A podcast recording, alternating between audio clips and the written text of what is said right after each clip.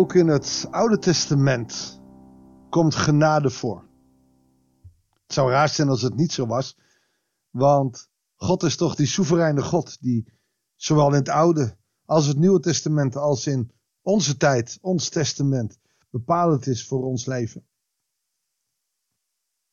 Maar het is mooi om te zien hoe David in een psalm dat ook verwoorden kan. Hoe hij een gruwelijke hekel heeft aan de zonde.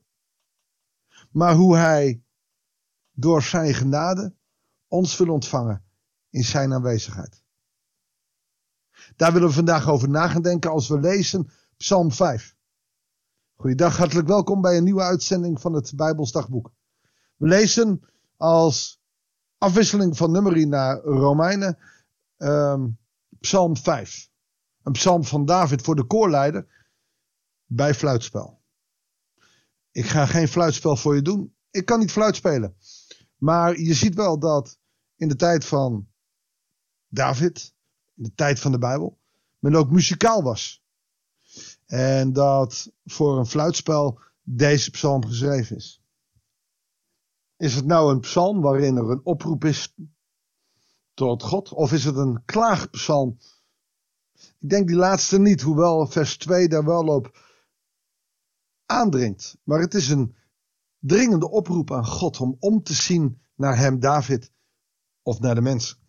Omdat in vers 3 daar niet staat, wilt u alstublieft luisteren? Nee, luisteren naar mijn hulpgroep. Tot u richt ik mijn beden. Hij is vrij directief. Laten we maar gewoon gaan lezen. Hoor mijn woorden, Heer. Sla acht op mijn klagen.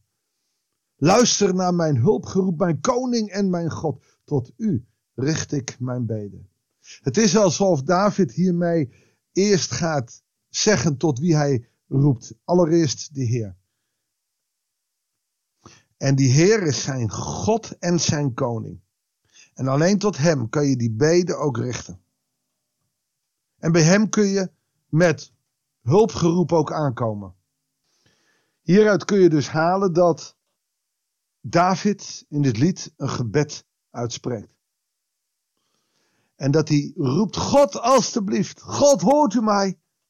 Wilt u naar me horen? Luister naar mijn hulpgroep, ik heb u nodig. Vervolgens gaat hij heel mooi zeggen dat God hem altijd hoort. Namelijk in de morgen, Heer, hoort u mijn stem. In de morgen wend ik mij tot u en wacht. De ochtend is voor heel veel mensen een moment waarin ze in alle stilte en rust tot God kunnen komen. Dat is per persoon wel eens wat verschillend. Ik ben een avondmens en s ochtends moet je bij mij niet te vroeg nog aankomen met stille tijd. Of, dat doe ik op een ander moment. Maar die ochtendstond heeft goud in de mond. Oftewel, die ochtend is er voor heel veel mensen wel geschikt voor. Begin de dag met God. In die morgen, Heer, hoort u mijn stem. Oftewel, in alle vroegte. Het is niet te vroeg voor u. En wie is die God dan? U bent een God die zich niet verheugt in het kwaad. Bij u is de misdaad niet welkom. En gewetenlozen houden geen stand onder de blik van uw ogen. Klaarblijkelijk heeft hij hiermee te maken. Met een goddeloze die kwaad willen, waar hij moeite mee heeft. En zijn hulpgeroep is: help mij midden in, in die grote groep van mensen die kwaad willen, gewetenloos zijn. Hier zegt hij wel: ik weet dat ze bij u geen stand houden. Maar eigenlijk proef je, maar ik vind het wel moeilijk. U haat allen die onrecht doen. Leugenaars richt u te gronden. U verafschuwt, Heer, wie u bedriegt en bloed vergiet. Ik moet meteen denken aan het Nieuwe Testament. Daar zie je niet veel meer dat God echt letterlijk straft. Maar Ananias en Safira zijn daar nog steeds ten voorbeeld van de gemeente neergezet als mensen die zeggen: ja, we gaan God dienen, maar ze bedriegen hem. Namelijk, ze houden een deel achter terwijl ze zeggen alles te geven. Laat uw ja een ja zijn en uw nee niet. Bedrieg God niet. En dan komt er een keerpunt in de psalm. Maar ik mag door uw grote liefde uw huis binnengaan. Dat is genade. Ik heb het niet verdiend, God, maar door uw liefde, door uw liefde en genade mag ik uw huis binnengaan, dicht bij u komen. En van ontzag vervult mij buigen naar uw heilige tempel. Ik buig voor hem neer. In alle nederigheid. Want wie ben ik, Psalm 8, wie is de mens dat u naar hem omziet? Ik mag zelfs bij uw huis binnengaan. Ik mag bij u aankloppen. Leid mij langs mijn belagers, Heer, door uw gerechtigheid. Maak effen de weg die u mij wijst.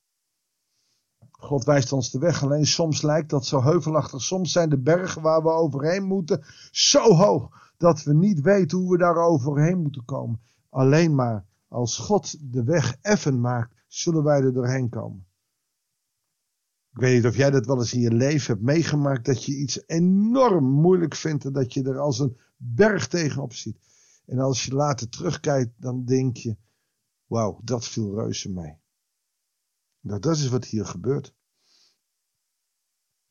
Leid mij langs mijn belagers, Heere God, want ik zie er tegenop. Om dwars door het veld te gaan waar mijn vijanden zijn. En hoe moet u dat doen? Door uw gerechtigheid. Bescherm mij, omgeef mij, maar maak even de weg die u mij wijst. Maak een plat, zodat ik niet over bergen hoef. Dat ik er niet als een berg tegen op hoef te zien. Maar dat het als vlak land is, waar ik zo doorheen kan wandelen. Want die belagerschot, onwaarheid komt uit hun mond. Onheil huist in hun hart. Een open graf is hun keel, gespleten is hun tong. Een open graf is hun keel. Betekent ze, ze kramen allemaal dingen uit. Interessante discussie is, wat kan je goedkeuren en wat niet in de vocabulaire? Als je op dit moment in de huidige taal kijkt, zijn er woorden die ik niet graag bezig.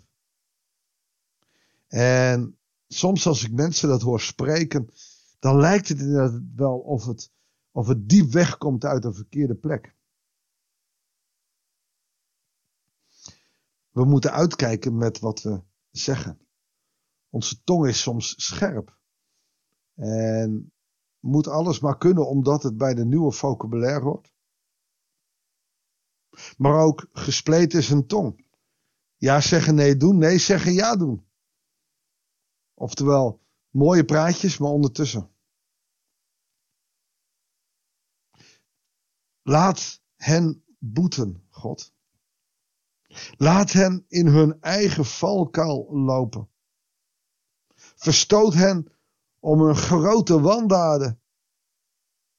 Want ze zijn opstandig tegen u. En dan komt er weer een kantelpunt. Waarom zou je in God geloven? Omdat als hij tegen je is, dan. Hè, David zegt: Nou, laat ze maar in hun eigen valkuil lopen. Maar wat is dan het alternatief? Dicht bij God lopen. Ook daar heeft hij zijn antwoord op. Er is vreugde bij allen die schuilen bij u. Is dat zo? Alle christenen zijn die blij? Vreugde is wat anders dan alleen maar blij. Vreugde is blij zijn met anderen, voor anderen en door anderen. En het staat hier in een zin waar ook het woord schuilen staat. Schuilen bij God betekent je soms verbergen voor de wereld omdat die te hard is. Dus het betekent niet dat er vreugde is en dat er dan geen onheil meer is, maar wel als wij dus voor dat onheil weten te schuilen bij God, dan zal er vreugde zijn. Eeuwige jubel omdat u hen beschermt. Dwars door doodsnood heen kunnen mensen dankbaar zijn en God loven. Wie uw naam beminnen, juichen u toe. U zegen de rechtvaardige Heer als een schild beschut hen uw genade. Door zijn genade worden wij als een schild ontvangen. Geloof in God, geloof in Jezus en weet dat zijn genade bij je zal zijn en dat het als een schild rondom je is. Dat je door hem beschermd wordt, dat hij door zijn liefde en zijn genade heel dicht bij je zal zijn. Dat betekent dat er soms geen angst hoeft te zijn. En dat betekent niet dat er geen angstige dingen meer in je leven gebeuren. Maar sta in de kracht van de opgestaande Heer. Wil je weten hoe dat voelt? Ga dan samen met hem eerst door dat lijden heen. En weet dat dat zijn lijden jouw genade heeft gegeven. Omdat die genade er voor jou mag zijn om jou te beschermen. Zullen we God daarvoor danken? Dank u wel, Vader in hemel, voor die genade. Voor die liefde die u aan ons geeft. Telkens weer. Zo bijzonder, God, dat, dat we daarop mogen bouwen. Dat we daarop in mogen geloven. Heer God, we willen u danken en we willen u loven en prijzen. Ook als voor sommige luisteraars het leven soms zwaar is. Misschien even een korte periode of een langere periode. Heer, in die ellende mogen we schuilen bij u. Even afkoelen. Even rust vinden. Midden in de chaos van ons leven. Heer God, en in die chaos willen we, willen we u groot maken. Willen we blij worden omdat u onze God bent. Willen we vreugde vinden door te schuilen bij u. We loven en prijzen uw grote naam. Dank u wel voor wie u bent. Zegen ons zo in de machtige naam van Jezus. Dat bidden wij en danken wij u in Jezus' naam. Amen. Dank u wel voor het luisteren. Ik wens je God zegen en heel graag tot de volgende uitzending van het Bijbelsdagboek.